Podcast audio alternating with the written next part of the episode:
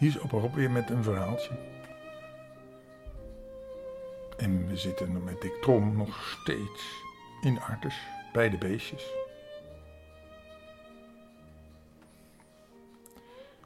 Dus daar gaan we weer mee verder. Vind je dat niet leuk?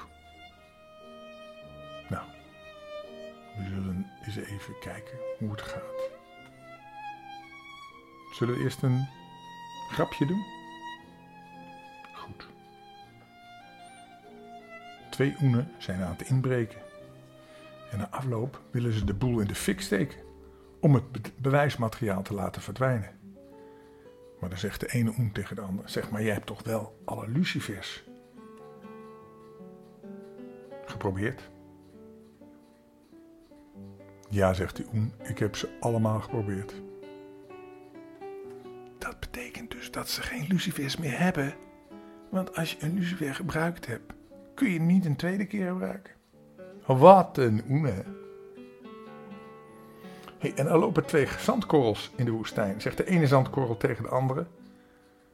Volgens mij worden we achtervolgd door de zandkorrels. Jolien en Naomi zitten naar een westernfilm te kijken. Wedden dat die cowboy van zijn paard valt, zegt Jolien. Dat is goed, zegt Naomi. Ik wed om een fles cola dat hij niet van zijn paard valt. Maar na vijf minuten valt de cowboy inderdaad van zijn paard. Zie je nou wel, ik heb gewonnen, zegt Jolien.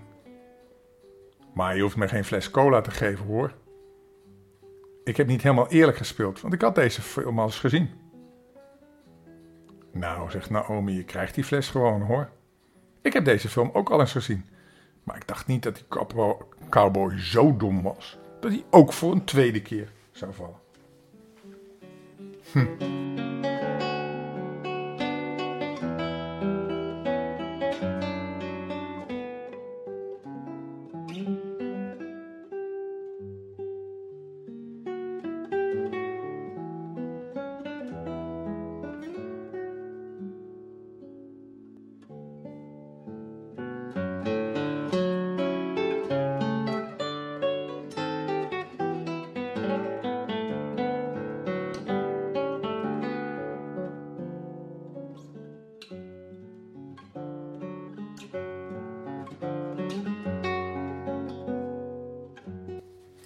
We gaan verder in Artes. Hè? We waren gebleven waar Dick en Piet alle beesten gingen bekijken. En ze waren nu bij de roofdierengalerij. Ze liepen achter een groep van schoolkinderen aan. Dus ze kwamen bij de roofdierengalerij, waar juist de dieren gevoederd werden. Dat troffen ze, want ze zagen dat de leeuwen en tijgers zich brullend op bloedende stukken vlees wierpen en die met hun tanden verscheurden. Er waren prachtige exemplaren bij. En Dick en Piet waren vol bewondering over die fiere schoonheid van die roofdieren. Nu kunnen we ze nog beter zien dan vorig jaar in het grote paardenspel van Zenger. Je weet wel, dat bij ons in het dorp was, zei Piet. Dat was het circus. Ja, zei Dick. De kooi met leeuwen stond toen midden in het circus. Te ver af om zo goed te kunnen bekijken. Maar die leeuwentemmer was niet bang, zeg. Zou je hier in dat hok bij die leeuw durven gaan? Wat een manen. En wat kijkt hij naar ons? Of hij je gauw gekraakt zou hebben, Piet. Wie weet is dit niet een van de leeuwen uit het paardenspel. In de krant heeft in de tijd gestaan dat de directeur veel van zijn dieren verkocht had, voordat hij naar Amerika terug ging. Dat is best mogelijk, zei Piet. Wat een maan, hè? Een prachtig beest. Ze liepen de hele galerij door en volgden toen de school naar het verblijf van de nijlpaarden ging. Dat zijn ook grote, reusachtige beesten, hè? De oppassers lieten hen voor een footje dat de toeschouwers hen gaven, uit het bassin komen en de bek open doen. Zodat ze het gebit zouden kunnen zien. Een dwaas gezicht als de oppasser een paar stukjes roggebrood in die wijd opengespuilde muil wierp. En even later verdwenen die logge gevaartes weer in de diepte. Kinderen, riep de onderwijzer zijn leerlingen toe, nu gaan we naar de olifant. En dan is de pret voor deze keer uit. We hebben nog een lange tocht te maken eer we thuis zijn. Naar de olifant, naar de olifanten, riepen de kinderen. Piet zei Dick, het zal ook onze tijd worden. Er zal hier nog wel veel meer te zien zijn. Maar ik ben nu dubbel en dwars tevreden al. Ik ook, zei Piet. Je hebt gelijk, het wordt al laat. Ze volgden de schoolkinderen op de voet en kwamen bij de twee afgerasterde afdelingen waar zich de olifanten bevonden. In het ene deel waren er twee, in het andere maar één. Dick merkte op dat deze laatste gevangen werd achter verbazend dikke tralies. Een paar van die tralies in de hoek vormden deurtje, waardoor de oppasser het hok in en uit kon gaan. Maar nu bevond die man zich in een andere kooi bij de twee olifanten. De schoolkinderen waren een en al bewondering voor die kolossale beesten. Die hun lange slurven tussen de tralies doorstaken en om een versnapering bedelden. Dick gaf ze een paar biscuitjes en klontjes suiker, die ze met hun lippen van hun slurf vastgrepen en met een vlugge beweging in hun mond deponeerden. Eén van de olifanten kreeg van een toeschouwer een cent. En de kinderen moesten erom lachen toen ze zagen dat de olifant die in een bakje neerlegde, waarvan hij eerst de deksel moest oplichten. Ze vonden dat zo grappig dat de olifant wel aan leek te sparen. Een soort spaarpot had hij. En toen gaven ze hem een heleboel centen. Het was als het ware een centenregen. En die slimme oppasser, die maakte daar mooi geen eind aan. Hij wist wel dat dat zijn spaarpot was en niet die van de olifant. Toen de schoolkinderen er uiteindelijk mee ophielden, zei hij: De olifanten kennen nog meer kunstjes. Zal ik eens vragen of ze die willen vertonen? Verschillende toeschouwers staken hem een fooi toe. En toen moesten die logge beesten op zijn bevel achter elkaar door hun kooi rondwandelen. En met hun voorpoot recht uitsteken. En daarna hun achterpoot. En toen hun slurf omhoog heffen en tegelijkertijd hun grote bek openen. En tenslotte zelfs koffie malen. Tot groot vermaak van de kinderen die zich om de balustrade verdrongen. Zo konden ze het goed zien tenminste. Niemand had erg in dik die helemaal alleen voor het hok van de andere olifant stond. En die het beest met grote bewondering stond te bekijken. En de olifant keek wederkerig, ook met grote belangstelling naar Dick. Hij verloor hem geen seconde uit het oog. Wat sta je er in je eentje, Dick? vroeg Piet, die zich bij hem voegde. Die andere olifanten doen allerlei kunstjes, heb je dat niet gezien? Jawel, zei ik, maar een olifant die aan een koffiemolen draait, vind ik een kinderachtig gezicht. Deze is. Het is een kwaaie, zei Piet. Daarom zit hij achter die dikke uh, tralies natuurlijk. Herken je hem niet? vroeg ik. Dit is die olifant van het circus van het paardenspel, waar ik opgezeten heb toen ze een optocht hielden door het dorp, weet je wel? Oh, ja, zei Piet. Maar hoe weet jij dat dit dezelfde olifant is? Waar herken je hem dan aan? Kijk maar, hij herkent mij ook, zie je wel? Daar komt hij. Ah, hij steekt me zijn slurf toe. Dag. Dag. Dick stak hem in de vreugde een paar biscuitjes in die slurf. En daarop liet de olifant een trompetgeluidje horen en klapperde met zijn oren. Hij zegt mij ook goeiedag, beweerde Dick wiens ogen straalden van blijdschap. Oh, ze hebben zo'n sterk geheugen. En hij overlaadde het beest met lekkernijen. Plotseling keek hij haastig rond of er geen oppasser in de nabijheid was. En toen kroop hij vlug onder de balustrade door. Dick, Dick, niet doen, niet doen. Het is een kwaaie, zei Pieter, angstig. Dick joeg hem weer met deze manoeuvre de doodschrik op het lijf. Piet sloeg, sloeg in vertwijfeling zijn armen ten hemel. Maar Dick stoorde zich niet aan zijn waarschuwing. Hij drukte zich tegen de tralies aan en streelde de olifant over de slurf. Wat het dier beantwoordde door Dick met hetzelfde lichaamsdeel over zijn gelaat te strijken. Zie wel, hij herkent me, zei Dick. O, jouw groeiert, o, jouw groeiert. Ben jij hier opgesloten aan een beest? Hier heb je nog wat lekkers. Dick gaf hem een paar kolontjes suiker en weer trompetterde de olifant uit alle macht en klapperde met zijn oren.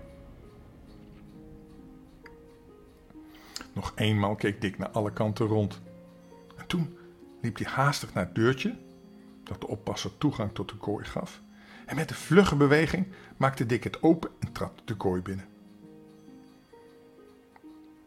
Waarin met duidelijke tekens van vrolijkheid door de olifant begroet werd. Dick sloeg zijn arm om zijn slurf, wat de olifant geduldig toeliet. En hij voerde hem van alles, wat hij ook maar lekker vond. En opeens voelde Dick zich door het geweldige dier opgeheven en kwam hij op de nek van de olifant terecht.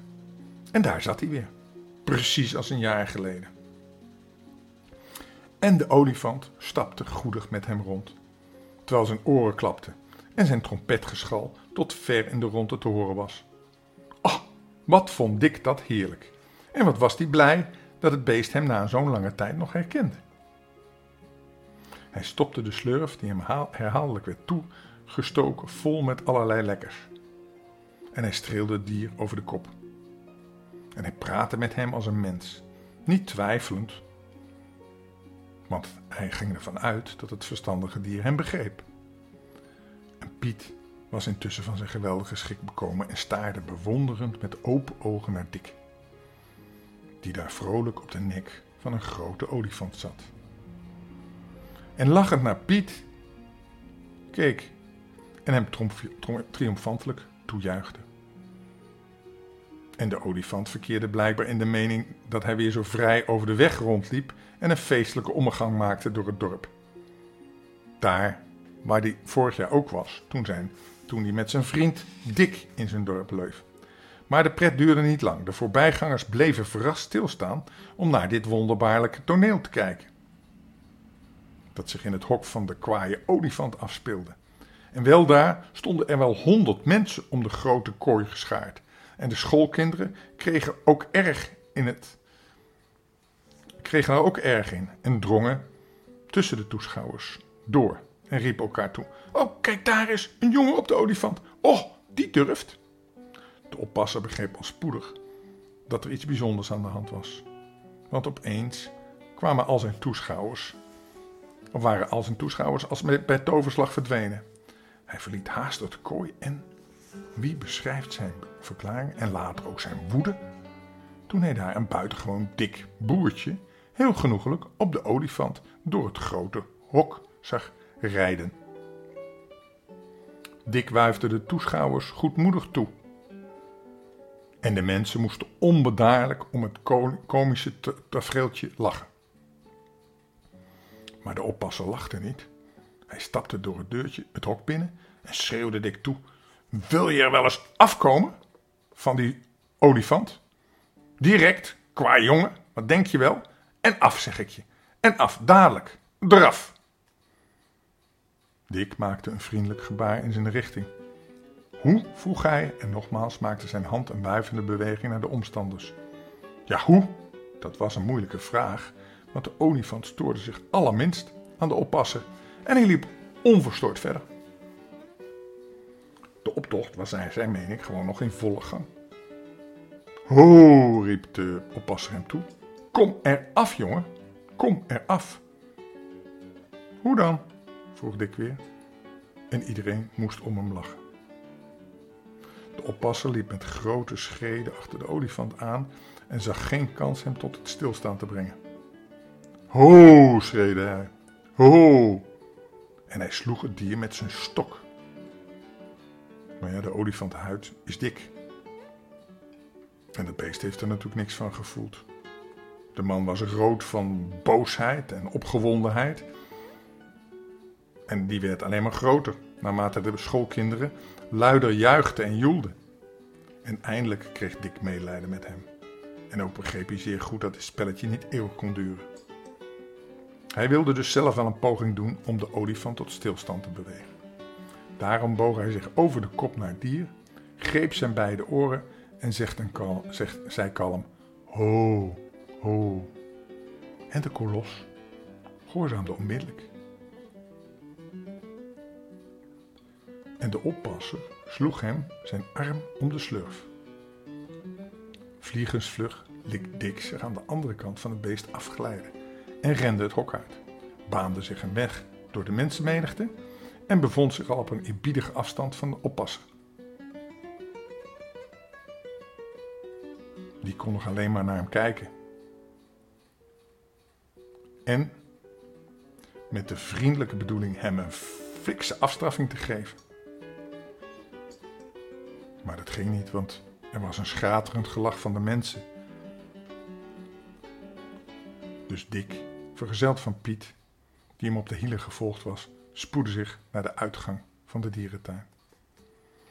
Wat hadden die twee jongens een pret. En wat had Dick genoten, daarboven op die kop van de olifant.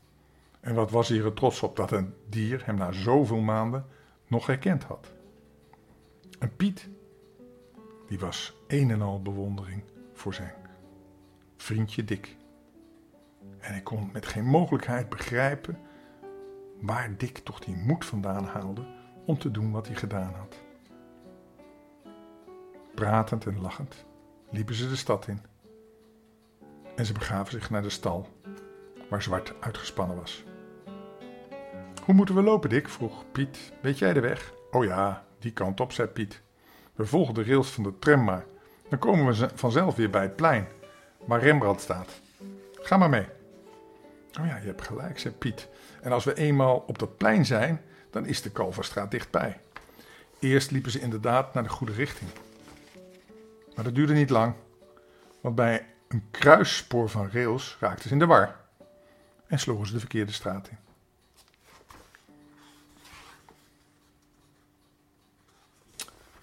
Nou, nou, toen reed dus nog verdwaald ook.